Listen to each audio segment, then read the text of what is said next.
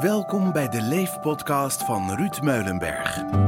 De Leef-podcast helpt je bij het opbouwen van een gezond, energiek en vreugdevol leven... in plaats van één vol stress of burn-outs. Zit jij echt te wachten op praktische handvaten en inzichten? Ben je het zat dat het leven nu niet loopt zoals je wilt? Ben jij klaar voor energie? Luister dan deze podcast en leef. Ja, lieve, lieve luisteraars, welkom alweer bij onze volgende podcast. Een podcast waar ik uh, wekenlang naar uit heb gekeken. En deze podcast gaat over hoe ga je om met tegenslagen. En als iemand daar verstand van heeft, dan is het wel Monique Houtmeijers. En we hebben het niet eens over tegenslagen, we hebben zelfs over levensbedreigende situaties. Daarover niks gelogen. Monique, heel, heel hartelijk welkom. Ik ben heel blij je te zien en je te verwelkomen in onze podcast. Dankjewel, Ruud. We gaan het hebben over uh, omgaan met tegenslagen. Ik weet zeker dat daar honderden, duizenden uh, mensen op zitten te wachten. Hè? Uh, sterker nog, ik maak ze mee, jij maakt ze mee. Maar als er iemand toch wel een enorme tegenslag heeft gehad ergens in haar verleden, dan ben jij het. Hè? Ja, zeker. Ik ga niet al het gas over voor je voeten wegmaaien, maar please, Monique, we hangen aan je lippen. Vertel waarom, waarom, waarom? Waarom, waarom, waarom? Nou, mijn tegenslag was een forse inderdaad. Wij, uh, um, en ik heb het over wij, want het gaat over mij en mijn gezin. Um, een aantal jaar geleden werd er bij mijn man uh, darmkanker geconstateerd. En hij had uh, eigenlijk een beetje wat fysieke klachten. Liet zich controleren in een, bij een darmpolie. En daar gingen wij eigenlijk nog wel heel positief naartoe. Ja. Um, eigenlijk hadden wij helemaal niet kunnen bedenken dat er een tumor was. We dachten een kiestel of iets dergelijks. En um, nou, vrijdagmiddag vier uur, ik weet tijdens nog precies, kregen wij te horen dat er een uh, behoorlijke tumor zat, kwaadaardig. Oh. En um, ja, dat wij op maandag terecht konden bij de oncologisch verpleegkundige. En dan verlaat je de darmpolie en dan stap je in de auto en dan sta je letterlijk stil. Ja, dus je gaat vrijdag met buikpijn naar de dokter. Je denkt van, oh, twee pilletjes hè, en, weer door. Precies. Hè, Precies. En, dan ja. vervolgens mag je zo je weekend in. Ja. En, en, dan zit je daar, je was er samen met je man, was je naar het ziekenhuis. Hè, en ja. Dan heb je ook nog kinderen? We hebben ook nog kinderen. Ja, eentje nog thuis wonen en uh, twee uh, wat oudere jongens. Ja. ja. ja, en die moet je dat gaan vertellen. Ongelooflijk, ja.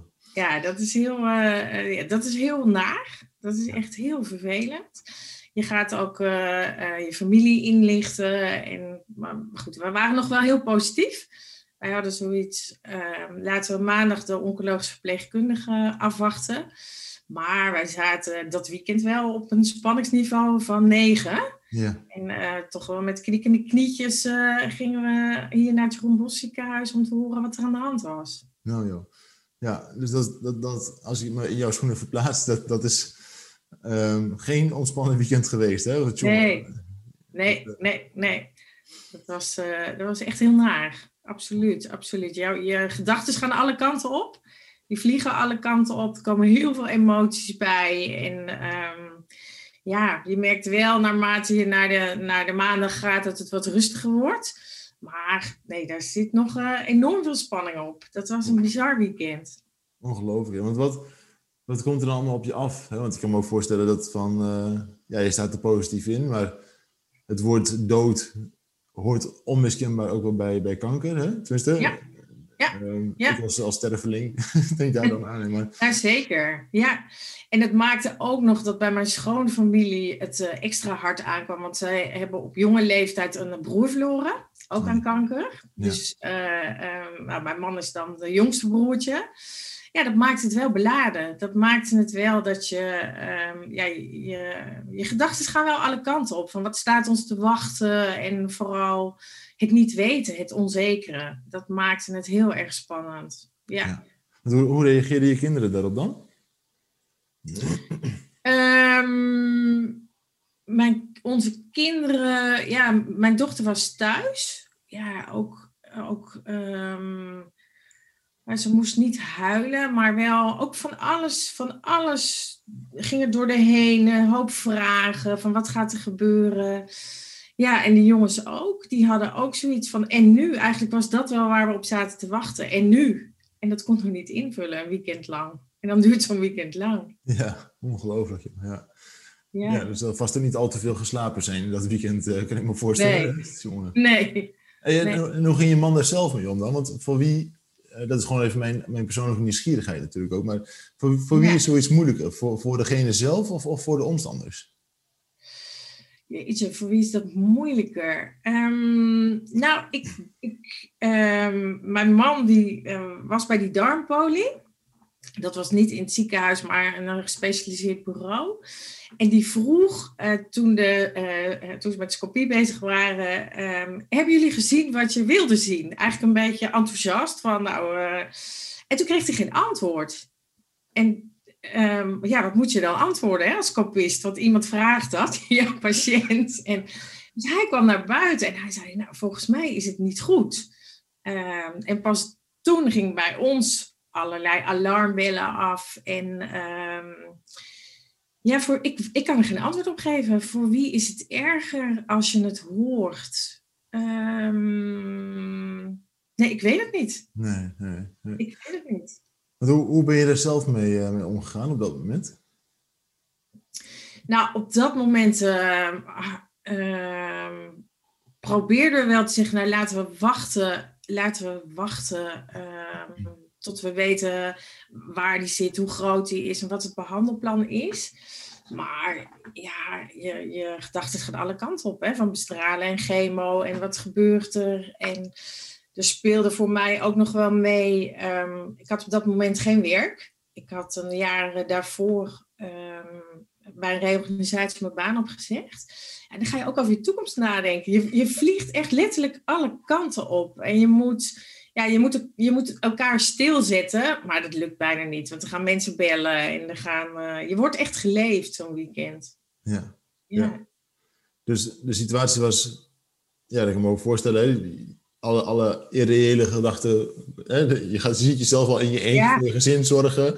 En hoe doen we dit dan zonder baan op dit moment? ja, ja, ja, ja. Het schoot echt alle kanten op. Dat schoot alle kanten op. Uh, en je probeert elkaar, je probeert elkaar te steunen door te zeggen, nou, we moeten het afwachten. Nee, dat gaat een half uur goed. En dan, als je dan alleen een stukje loopt, dan vlieg je weer alle kanten op. Dat is heel herkenbaar, denk ik, voor heel veel mensen natuurlijk. Ja, ja. ja. Hoe, hoe is dat uiteindelijk hoe is dat gegaan verder? Hè? Als je dat zo is in een. Ja, nou, na dat weekend uh, was het heel erg fijn. Want we kregen echt direct om, om acht uur s ochtends een uh, mailtje of een, uh, een telefoontje. En wij konden diezelfde dag bij de oncologische verpleegkundige komen. En um, ja, daar ging eigenlijk het spanningsniveau van 9 naar 7 naar 6. Ja, zij kon vertellen dat de tumor er waarschijnlijk al langer zat dat hij op een gunstige plek zat. Dat hij weggehaald kon worden uh, zonder stoma's. Um, en daardoor werd het ook minder acuut. Want ze zei, hij kan er wel een jaar, anderhalf jaar zitten. We gaan nu allerlei onderzoeken doen. En um, nou, hou rekening. Ik vind het zelf altijd fijn als ik weet hoe lang dingen duren. Um, nou, we wisten dat hij binnen, binnen vier tot zes weken opgenomen zou worden om de tumor te verwijderen. En dan ga je. En dat gaf ons allebei echt rust. Dat gaf ons wel. Ja, dat, dat, dat, dat gaf wat meer zekerheid. Ook het feit dat je wist dat op een goede plek zat, goed verwijderen was. Um, ja, dat, vond ik, uh, dat vonden we heel fijn. Nou, vervolgens ga je die weken daarna. Um, ja, je ziet allerlei specialisten. En um, ja, kreeg hij de opdracht om zich zo goed mogelijk uh, voor te bereiden op de operatie. En dat heeft hij ook echt gedaan. Die is uh, iedere dag gaan lopen. Echt, uh, nou ja, dat is wat we natuurlijk ook, ook adviseren als je bij onze stress... Bewegen, eten, rust, hè? Ja. ja, ja, ja. Maar hij heeft het echt gedaan. Hij heeft gezorgd dat hij fit was. Enorm op zijn voeding gelet. Um, ja, het slapen, dat gaat natuurlijk wel minder, maar uh, ook, ook echt wel zijn rust gepakt. Uh, zijn werk werkte heel erg mee, dus die zeiden ook nee joh, nu alles op, uh, alles op de operatie. En ehm, ja, we gaan ervoor. En inderdaad, vier weken later kon hij geopereerd worden. S ochtends vroeg. En ehm, ik zie hem nog zitten op een bed. En, de verpleegkundige tekent op zijn buik eigenlijk twee streepjes af waar mogelijke stoma's kunnen komen. dus dan denk je ook van, nou, dat is een, dat is een ver van mijn bedshow. Uh, dat hebben we niet nodig. En zij zei ook, nou, dat is voor de. Uh, ja, dat is voor als er toch iets optreedt, dan hoeven we, ja, dan hoeven we het niet op goed geluk te doen. Dan hebben we dat allemaal goed voorbereid. En hij ging de operatie uh, in. En het ging goed. En ja, dan valt er ook alweer heel veel spanning weg. En dan, ehm, ja, we wilden hem natuurlijk meteen zien. Hij was nog wel wat suf, maar het zit ook in de man om, uh, om dan ook weer snel aan zijn herstel te werken. Dus de visio die kwam en hij wilde gaan zitten en hij wilde gaan staan. En ja, de eerste dag ging dat eigenlijk super. Tot de tweede dag. ja. Dat de roes wat uitgewerkt is. En, uh... Ja, dat de roes wat uitgewerkt is. Nou, de tweede dag uh, ja, voelde hij zich smiddags veel minder. Heeft hij ook uh, eigenlijk tegen zijn zus en schoonzus die op bezoek kwamen gezegd... ja, ik, ik, ik voel me niet lekker. Dus de dienstdoende arts is daarbij geweest. En die zei, joh ik, uh, de tweede dag moet eigenlijk gewoon je beste dag zijn. Ik heb mannen gezien die uh, uh, 30 jaar ouder waren en die er wel beter uitzagen dan jij. Dus we moeten toch in de gaten houden wat er met je aan de hand is. En ehm, nou, die dag heeft hij eh, heel rustig doorgebracht. Hij wilde niet veel, hij wilde ons ook niet zien. En um, s'nachts heeft een verpleegster geconstateerd dat zijn ontstekingswaarden heel hoog waren. En is er eigenlijk de dag daarna um, ja, is er besloten om hem te opereren, om, om stoma aan te leggen.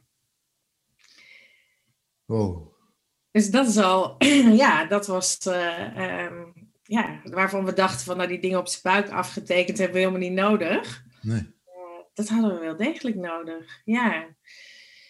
Maar ook daarin hadden we zoiets van, ja, als dit het is en als je nu opknapt, um, we weten dat het tijdelijk is, een stoma. En uh, ja, nu weer alles op je herstel. Om een lang verhaal kort te maken. Um, 48 uur later um, moest hij weg met een torenhoge ontstekingswaarde. En ik zie me nog staan in een, uh, in een kamer met een kleine kamer had hij. Daar stonden zeven mensen, artsen, verpleegkundigen, zaalartsen, chirurg, noem maar op. En die zeiden, hij gaat heel, heel ziek worden. En toen stort ik in. Toen had ik zoiets ja. hij gaat heel, heel ziek worden. Dus ik ben naar buiten gegaan. Ik ben, op, ben eigenlijk opgevangen door de, door de fysiotherapeut. En ik vroeg, hoe laat gaat hij geopereerd worden? En het was ochtends tien uur. En ze zeiden, voor half vijf is hij geopereerd. Hij lag om half elf op de operatiekamer. Zo, ja. Ja, dat was heftig. Ja. Dat was heel heftig. Shit man, ja. Nou. en toen was je geopereerd? ja, toen was hij geopereerd en uh, toen is er een tweede stoma aangelegd. nou, dan ben je een jonge vent, hè? dan heb je twee, uh, twee stoma's. Wij mochten s'nachts, of wij mochten eigenlijk laat in de avond uh, naar de verkoevenruimte. Ja, en zie een hoopje mens liggen. En hij was nauwelijks aanspreekbaar. En ehm, ik ben daar met mijn dochter naartoe gegaan. Ja, dat was al heel spooky, want zo'n ruimte, daar mag je normaal niet komen. dat was nu uh, twee bedden en eentje daarvan was hij. En uh, um, het was wel fijn om hem gezien te hebben. Maar goed, ja, het, het geeft wel weer een heleboel spanning en onzekerheid. En um, ja, toen zijn we naar huis gegaan. en ik weet dat ik een vriendin heb die zit op de ambulance. En die belde me ook en die zei: niet één ding, één stap vooruit denken. Echt blijf in het nu. Ga niet alle kanten op. Want um, ja, als ik je echt een tip mag geven, en die is voor ons natuurlijk heel bekend, want die geven wij ook als we coachen. Ja, blijf in het nu. En, um, en de eerste stap was uh, van die verkoevenruimte naar de intensive care. En, um, en je nog niet druk maken over hoe dat gaat met werk, behandelingen, stoma's. Um, ja, dus in het nu blijven. Nou, dat is lastig. Ja. Hoe is dat vervolgens afgelopen met, met, uh, met je man?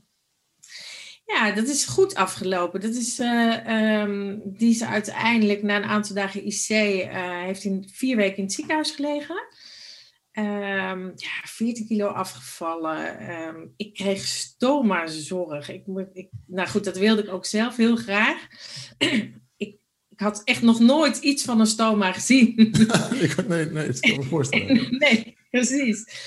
En dat hebben ze echt heel liefdevol in het ziekenhuis gedaan. Um, gekeken wanneer ik er aan toe was om te kijken of ik ze kon verzorgen. En um, dat heb ik gedaan, heel onzeker. En wij hadden samen eigenlijk besloten, joh, um, wij willen wel thuiszorg. Want ik vond de verantwoordelijkheid om als hij thuis komt, wat voor ons al heel erg wennen was, een ziek persoon en sorry. Um, ja, en dan moet, ben ik ineens verantwoordelijk voor uh, die stoma's. Ja, dat is heel, uh, heel naar. Dus wij hebben samen samen besloten om uh, uh, toch thuiszorg um, aan te vragen. Ja, die meiden zijn ook fantastisch. Ja. Die hebben met alle, alle liefde hem geholpen. En ik heb het gedaan. Het was toen tegen het einde van het jaar, dus de feestdagen wilde ik het zelf doen.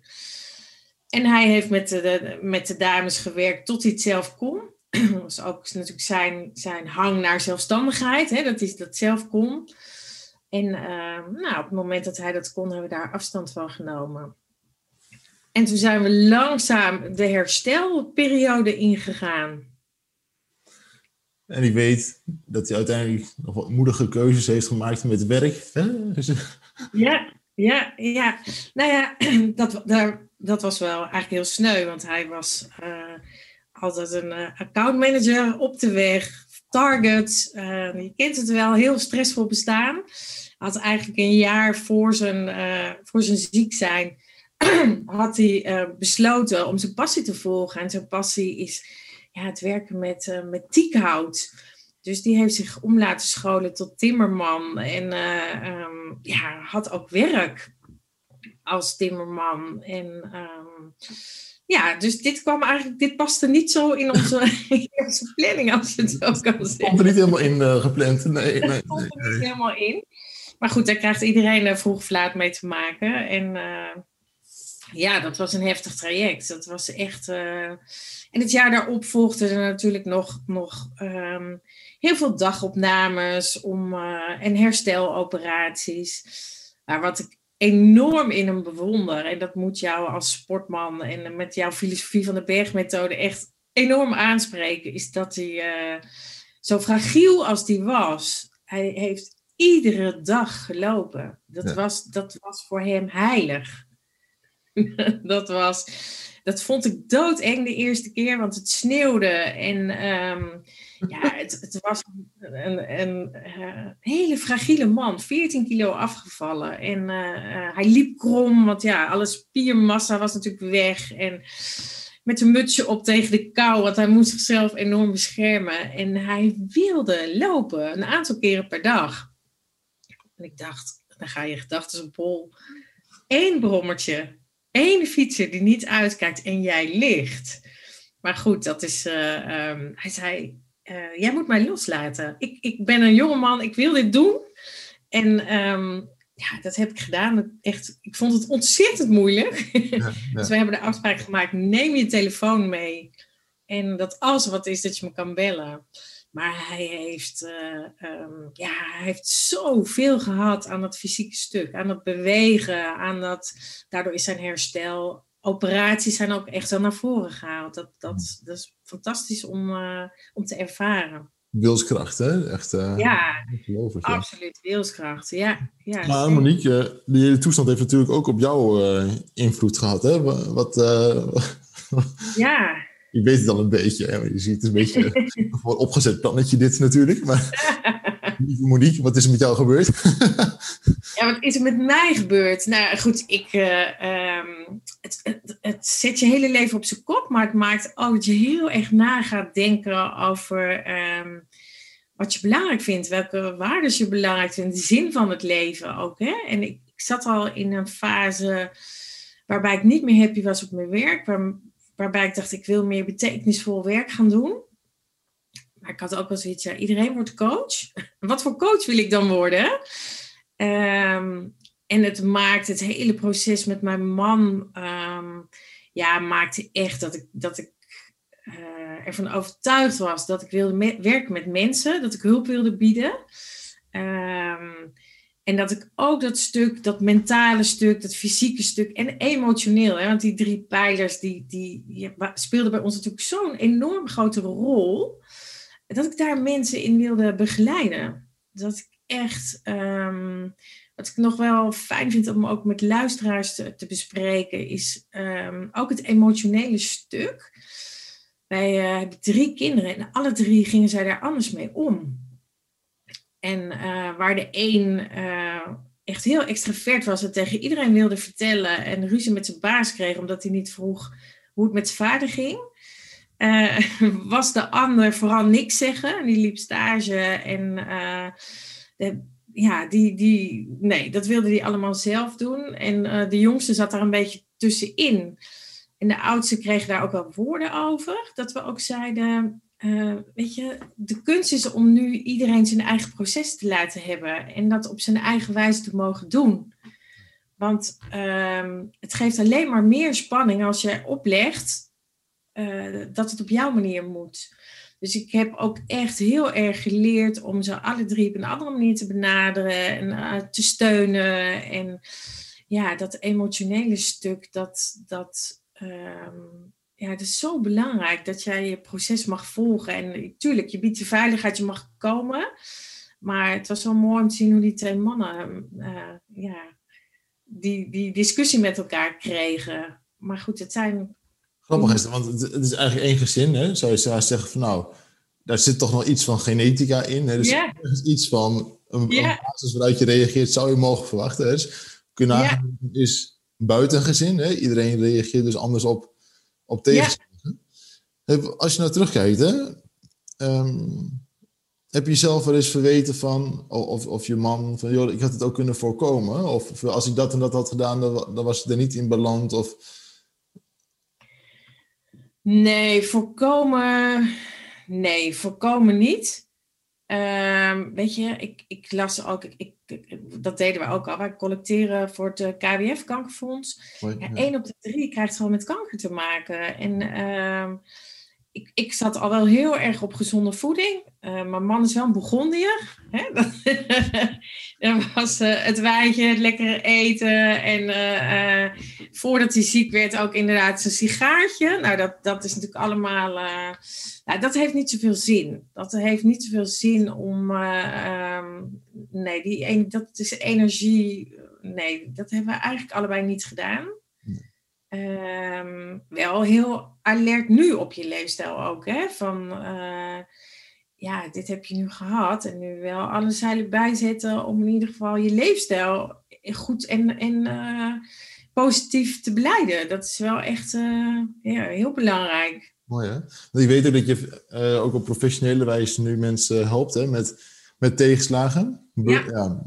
Als je het hebt over tegenslagen, wordt burn-out, dat is juist een utopie. Hè? Of nou is het een, ja, hoe noem je dat? Een, uh, als je een voorbeeld van een tegenslag hebt, dan, is het ook... Ja. ja. kanker is heel vervelend, hè? maar laten een burn-out zeker niet uitvlakken. Hè? Want nee, dat is ook zeker een, een enorme tegenslag. Daar kun je ook over meepraten. ja, ja, ja, ook dat, ook dat. Ja, ja. Nou, ik zie heel veel raakvlakken wel met die tegenslag die ik heb gehad en een burn-out. Alleen um, bij mij stonden de bosse bloemen in mijn kamer. Hè. Wij kregen echt iedere week uh, bosse bloemen aandacht, bosse bloemen aandacht, telefoontjes. En wat ik merk bij de mensen die we coachen, is dat er nog wel een taboe op burn-out ligt. Hè? Dat, uh, waar is die steun? Want die mensen hebben dat net zo hard nodig. Die hebben ook uh, aandacht nodig en hulp nodig. En zij moeten het zelf doen. Terwijl het bij mij, bij wijze van spreken, met vrachtwagens aangereden werd.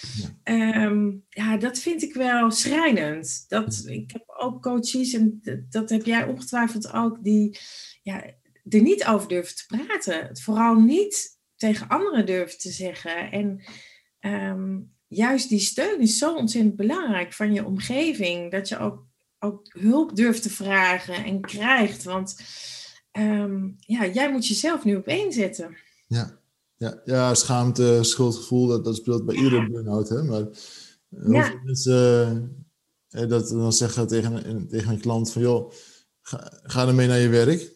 vertel op je werk, want het kan ze niet langer door. Je moet, je moet uh, rust nemen. En dat ze dan zeggen van nee, dat ga je niet doen. Ja. dat komt wel, hè, maar het, in het begin is dan zeggen nee, ik ga dat absoluut niet vertellen op mijn werk, want straks vinden ze me zwak of bepaald en dergelijke. Hè. Ja. Want als je nou terugkijkt naar die, die fases, hè, want ik weet hoe, hoe sterk je daar nu in bent. En, en als je nu terugkijkt naar die fases hè, van jouw eigen burn-out en, en die tegenslag met je, met je man, hè, die ook heel veel invloed heeft gehad op jou en, en je gezin. Ja. Um, en dat is, niet, dat is niet alleen maar die vier weken in het ziekenhuis. Hè, dat, dat is een proces geweest van een jaar, anderhalf, twee jaar misschien wel. Hè? Ja, ja. Waarbij je toch elke keer ja, weet je, ieder gezin heeft het al druk. Ik kan erover meepraten. Maar, ja. uh, komt er even bij. Je mag ja. even, niemand heeft erom gevraagd. Hetzelfde geldt voor een burn-out. Maar als je nou zo terugkijkt, welke, welke levenslessen heb je daar nu, nu van, van, van geleerd die je, ook mee kan, die je ook meeneemt naar de mensen met burn-out toe? Ja, die, die, um, die tip um, van blijf in het nu die gebruik ik ook zoveel in het coachen. Echt, uh, wat is er nu? En uh, weet je, je hebt het ook over wenselijkheid en werkelijkheid, maar je hebt te dealen met de werkelijkheid. Dit is er nu. En um, als, jij, als je maar bij één stap verder kunt kijken en niet al de hele weg, dat geeft ook vertrouwen. Want dan kun je ook met de tegenslagen die er nog komen beter omgaan weet je, toch weer terug naar dat ziekteproces. Um, uh, ja, wat kan er nog komen? Ja, hij kan een, een uh, infectie krijgen. Nou, weet, als je dat weet en hij komt, um, nou oké, dan beleef je hem in het nu. Um, als ik alweer verder was met wat wij allemaal gingen doen, dan was die infectie weer een, tegens, een tegenslag, een mokerslag. En ik denk, en, en dat is ook wel de wijze waarop ik coach, in het nu. En mensen vinden dat heel moeilijk. En, en als we daar meditatieoefeningen doen, of hoe je het ook noemt, laat zij een, uh, een dame die ik mag coachen. Ik vind zo hard werken, die meditatie in het nu. Ja. Dat is het ook. Het is geen ontspanning. Het is opmerken wat er, wat er binnen in jou gebeurt. Qua gedachten, qua gevoelens, maar ook fysiek. Wat, dat opmerken, dat, dat um, ja, dat vind ik echt een gouden tip. In het nu en, uh, en, en, daar blijven. Kijken wat daar is. En dan in het geval van zo'n tegenslag niet verder dan één stap vooruit. Mooi is het, hè? Want gisteren, of eigenlijk, het is nu uh, een uur of tien in de ochtend, hè? Alles van een uur geleden kunnen we niet meer veranderen. Nee. Alles, nee. Zelfs het begin van deze podcast kunnen we nu al niet meer veranderen. Ja, we kunnen nee. hem weggooien misschien, maar het is wel een herinnering die we niet meer kunnen uitwissen. Nee, die kunnen we niet. Dus, en, en morgen, dat is ook wel een van mijn stokpaardjes natuurlijk, hè, maar ik heb ooit eens een, een, een bedrijf, uh, of een ondernemer gecoacht, die had een bedrijf, die had een, uh, een ander bedrijf ingehuurd voor een soort uh, vijfjarenplan. En dat heeft, ik geloof, 35.000 euro gekost. En die hebben daar helemaal zijn bedrijf doorgelicht en toen het plan klaar was, een paar dagen, een paar dagen later, ging zijn grootste concurrent failliet. Ja, dus dat hele plan, dat kon voor 65% ja. weer aangepast worden. Nu zou ik zeker niet uh, dat soort plannen allemaal gelijk de prullenbak in, uh, in kwakken horen. Maar uh, we zitten nu ook in een, in een coronapandemie. Wie, wie had het aanzien komen? Hè?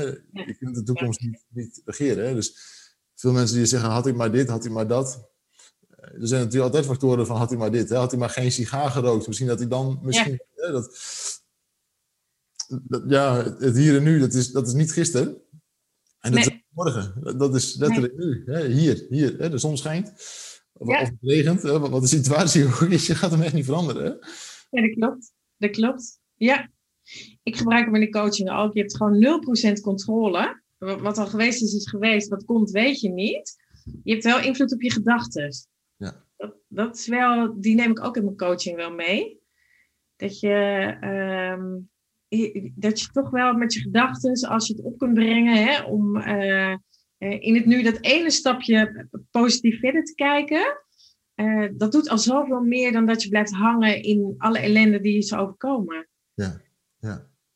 Dus je zegt nog eens van de ene, enige zekerheid die je hebt. Oh, sorry, zei je? het brengt ook iets, hè, tegenslag. Tegenslag brengt ook echt zeker iets. Uh, wij zijn nu zoveel bewuster aan het leven. Wij maken echt keuzes waarvan we denken, ja, dit voelt goed. En dit en alles wat daar verder uh, materialistisch of anderen van vinden. Of uh, vo wij volgen echt nu ons hart. Cool, ja. Dat is goud. Dat is echt goud. Wel mooi, want daar, daar wil ik ook graag naartoe. Want de enige zekerheid die je hebt, hè, wat mensen zeggen, is dat alles verandert. Het enige wat je altijd hebt, dat ben je zelf. Ja, ja. En als je uit zo'n tegenslag kan leren van, joh, ik ben sterk genoeg om, om dit, in dit jouw geval, letterlijk te overleven. Ja. Um, ja, dan, dan kan alles om me heen veranderen. Maar de stabiele factor die ik heb en de gedachten waar ik al wat over te sturen heb, die zitten in mijzelf. Ja. ja mooi. je dat? Ja? ja, mooi gezegd. Zo is het. Zo is het zeker. Ja, ja. Alleen, ehm, en dat vind ik altijd een mooie van, ja, een crisis geeft ook kansen. En, en zeker met een burn-out, mensen vragen mij wel vaak van, hoe, uh, hoe lang duurt nou zo'n burn-out? Ja. En het is niet heel lang geleden, maar toen zei ik tegen iemand van, joh, een burn-out is eigenlijk een crisis uh, die pas weggaat op het moment dat je hem oplost. Eh, want uh, je lijf wil je eigenlijk wat vertellen. Er, er, zit ergens in jou zit een knoop. datgene wat je doet strookt niet met datgene wat je bent. dus je luistert niet naar die innerlijke stem. Ja. En, en eigenlijk als je dus naar die innerlijke stem gaat luisteren, dan kun je ook omgaan met met tegenslagen. En dat, dat wil niet zeggen dat alles nu vanaf nu, eh, stel je zegt van ik ga, oké, ik, ga, ik ga nu de, de knop omzetten, ik luister alleen nog maar naar mezelf en mijn innerlijke stem, hoppatee. Vanaf nu af gaat alles perfect in mijn leven. Nee. maar dat, hoort hem niet. Hè? Dat, dat is natuurlijk onzin. Ehm, en, en, en, want er gebeuren gewoon dingen. Um, jouw man heeft ook niet gevraagd om darmkanker. Ja. Um, en, en je hebt ook niet gevraagd om een burn-out en ik persoonlijk ook niet. Hè? Uh, anders heb ik hem wel voorkomen hoor, wees niet bang. Ja, ja, precies. Maar datgene wat je altijd bij je hebt, uh, dat, ben je dan, uh, dat ben je dan zelf. Hè? En, en dat, ja. dat is bestand ja. tegen, tegen tegenslagen. Ja, ja. Ja, het is ook wel mooi. Um, soms zeg ik ook wel eens: vertrouw je burn-out. Weet je, was bij ons ook vertrouw je herstelproces. Um, en en uh, wij hebben op de site ook staan een beter leven na je burn-out. Maar als je dat proces vertrouwt, dan komt dat betere leven ook. En vertrouw je het niet, blijf je er tegen vechten. Dan wordt het een heel lang en uh, misschien ook onafgemaakt proces. Ja. Dat hadden wij ook. Dat is echt wel de les wat ik ook van onze tegenslag heb geleerd. Want ik, wil het iets, iets tastbaarder maken van uh, vertrouw je proces. Uh, iemand die nu luistert, hè, die zegt, oh wacht eens eventjes, daar zit, uh, dat resoneert bij me. Hè? Wat, wat, wat ja. betekent dat precies? Nou, je kunt je, uh, je burn-out als een heel groot monster zien. Hè, wat jou op alle wijzen blokkeert en onderuit haalt. En ja, ik, um, ja, je echt, echt ook heel klein maakt. Um, maar als je accepteert dat er inderdaad jouw lijf, jouw dashboard um, aangeeft dat jij met iets bezig bent, dat jij iets doet wat totaal niet strookt met jouw zijn, met wie je wil zijn en wat je kunt en wat je wilt. Um, en je gaat op zoek naar wat dat dan is, hè, dat stuk vertrouwen, uh, dan maak je de stap.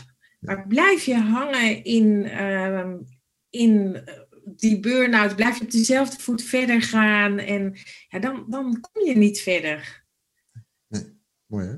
Dus als je tegen, eigenlijk vecht je dan haast tegen de, de golven. Hè? Ja. Je, je lijf wil je wat vertellen. Ja. En, en dat kan natuurlijk, de meer uh, spirituele mensen misschien zien dat ook wel zo met kanker. Hè? Ik heb er niet, niet de ervaring in om daar iets nuttigs over te zeggen, maar in principe iedere crisis in je lijf wil je ook wat, graag wat vertellen. Ja. Um, als je kan zeggen, wat ik jou ook heel duidelijk hoor zeggen, van, het heeft ons ook heel veel gebracht, hoe, hoe, hoe ellendig het ook was. Ja. En welke uh, wonder je daar ook hebt opgelopen natuurlijk. Hè? Want het, het, het leeft een, een, bepaalde negatieve ervaring ook op. Hè? Het was geen prettige ja. tijd. Ja. ja. Als je horen over praten, dan voel ik mezelf een kippenvel. Hè? Dat, dat, dat, uh... Ja. dus ja, welke negatieve ervaring het ook was, je kunt er ook iets uit, uit meenemen. En dat is eigenlijk wat, wat je lijfje dan wil vertellen, of, of wat, je, wat je, ja. ik je wil vertellen. Uh, maar als je daarna gaat luisteren, um, ja, voor je het weet heb je dan een bedrijf met 50 coaches of zo, weet je wel? Ja, precies. en maak je mooie podcasts. En, Ja, zo is het. Ja. Ja. Ja. ja. Ehm, welke, er zijn nu een aantal mensen, dat zei je natuurlijk ook in andere podcasts, maar er zijn nu mensen die, die hebben nu de auto langs de kant van de weg gezet. Ja. Die zitten met, eh, met gloeiende oortjes te luisteren naar jou, eh, Monique. Eh, ja. Ik wil ze graag zo nog één, één heel mooi ding meegeven. Hè? Een soort van gouden, gouden tip van een, een hele warme vriend, zeg maar. Weet je? Wat, wat, zou je Ja. deze mensen die nou echt van denken van, "Tjoh, deze podcast, pff, jongen, die, die komt even aan, zeg. ja. Wat kun je ze nou meegeven? Echt wel iets waar ze vandaag nog mee, mee aan de gang kunnen. Ja, dat zijn voor mij wel drie dingen. Dat echt dat in het nu blijven. Dat, eh, eh, ja, in het nu blijven. Ehm, ook heel erg aan jezelf denken. Eh, want alle ogen zijn natuurlijk, zeker bij tegenslag in mijn geval, gericht op mijn man. Ehm, maar, maar denk aan jezelf en tune inderdaad in bij jouw dashboard. Ga kijken wat er is en wat, je, wat aandacht nodig heeft. En als laatste eentje, ehm, vraag hulp. Vraag echt hulp. Ik was daar niet goed in. Ehm, ik heb het wel gedaan en het heeft me zoveel opgeleverd dat ik op momenten dat het echt spannend werd, met één belletje een vriend kon bellen die mijn dochter naar het ziekenhuis kon brengen. Of dat, ehm, ja, dus dat zijn eigenlijk wel de drie dingen. Blijf in het nu, denk aan jezelf ehm, en vraag hulp. Hoe, hoe doe je dat? Hulp vragen, want ik weet dat dat, dat niet makkelijk is. Ja, hoe doe je dat? Ehm, denken dat de ander, dat heeft mij wel geholpen. Eh, denken dat de ander dat met liefde voor je doet. ja, mooi. Want dat is zo. Je krijgt heel veel mensen die zeggen: Als ik iets voor je kan doen, en waarom zou je dat dan niet doen? Waarom? eh, mensen weten al niet wat ze voor je kunnen doen. En als ze dan iets voor jou kunnen doen, en het geldt ook bij een burn-out, eh, je, je kind ophalen of kop thee met je drinken of luisteren, alleen maar luisteren. Mensen willen dat heel graag, maar het zit he- heel vaak in onze hoofden dat we dat allemaal zelf wel kunnen. Ja. Ehm, en het, het geeft ook iets aan de ander. Die vindt het ook fijn iets voor jou te kunnen doen. Dus vraag. het met heel veel, heel veel klanten. En dan zeggen ze, ja, hoeveel mensen heb jij in het afgelopen jaar geholpen? Weet je wel? Nou, dat zijn er wel Ja. tientallen, hè? En, en Ja. wat, wat voor gevoel gaf je dat? Ja, fantastisch. Ik vind het heerlijk om mensen te helpen. Ja, ja, ja, ja. Zou een ander dat dan niet leuk vinden om jou een keer te helpen? Ja, precies. Precies, die is mooi. Ja. ja, maar het is echt zo. Hand in de lucht steken. Jongens, ik heb op dit moment echt even hulp nodig. Hè? En Ja. eh, andere mensen vinden het ook fijn om je te helpen. Hè? Want die zien ook dat je lijdt. Hè? En, eh, Ja. Ja. Dus even een re- resume in het hier en nu. Ja. Zorg voor jezelf. Ja, Vraag hulp. zeker. Is dat een, is dat een warme afsluiter? Is dat eh, Voor mij, absoluut. geweldig, Monique? Monique, heel hartelijk dank voor deze prachtige podcast. En jij bedankt. Lieve, lieve luisteraar, hartelijk dank voor het luisteren naar eh, deze podcast. We hopen je weer een, eh, een mooier leven te geven, want daar gaat het uiteindelijk- om. Hè. Het gaat om leven en niet om overleven. En daar zit een enorm verschil tussen natuurlijk. Dus ik hoop met deze podcast dat je weer een stap kan zetten in je leven. Om te gaan leven, te genieten, eh, te genieten van de mooie dingen die je hebt. Ook al heb je een keer een tegenslag, dat we altijd weer gefocust kunnen blijven op datgene wat ons energie geeft. Ehm, bedankt voor het luisteren, maar denk ook alsjeblieft aan mensen om je heen. Als je op dit moment denkt van, joh, deze podcast heb ik geluisterd, maar ik weet iemand die absoluut zit te wachten op deze podcast, stuur hem dan door. Deel hem, like hem, voeg een comment toe. Weet ik wel op, op welk platform je deze podcast luistert, maar alsjeblieft, deel deze informatie met andere mensen. Samen zorgen we voor een beter leven na burn-out of na een tegenslag. Voor nu zeg ik, Monique, super bedankt en tot de Graag volgende. Houdoe. Dankjewel voor het luisteren naar de Leef podcast. Wil je meer weten over stress of burn-out? Meld je dan aan voor onze podcasts of bezoek onze website. Vind je dat meer mensen deze waardevolle informatie moeten horen? Deel dan je mening en beoordeel deze podcast. Samen werken we aan een beter leven na je burn-out.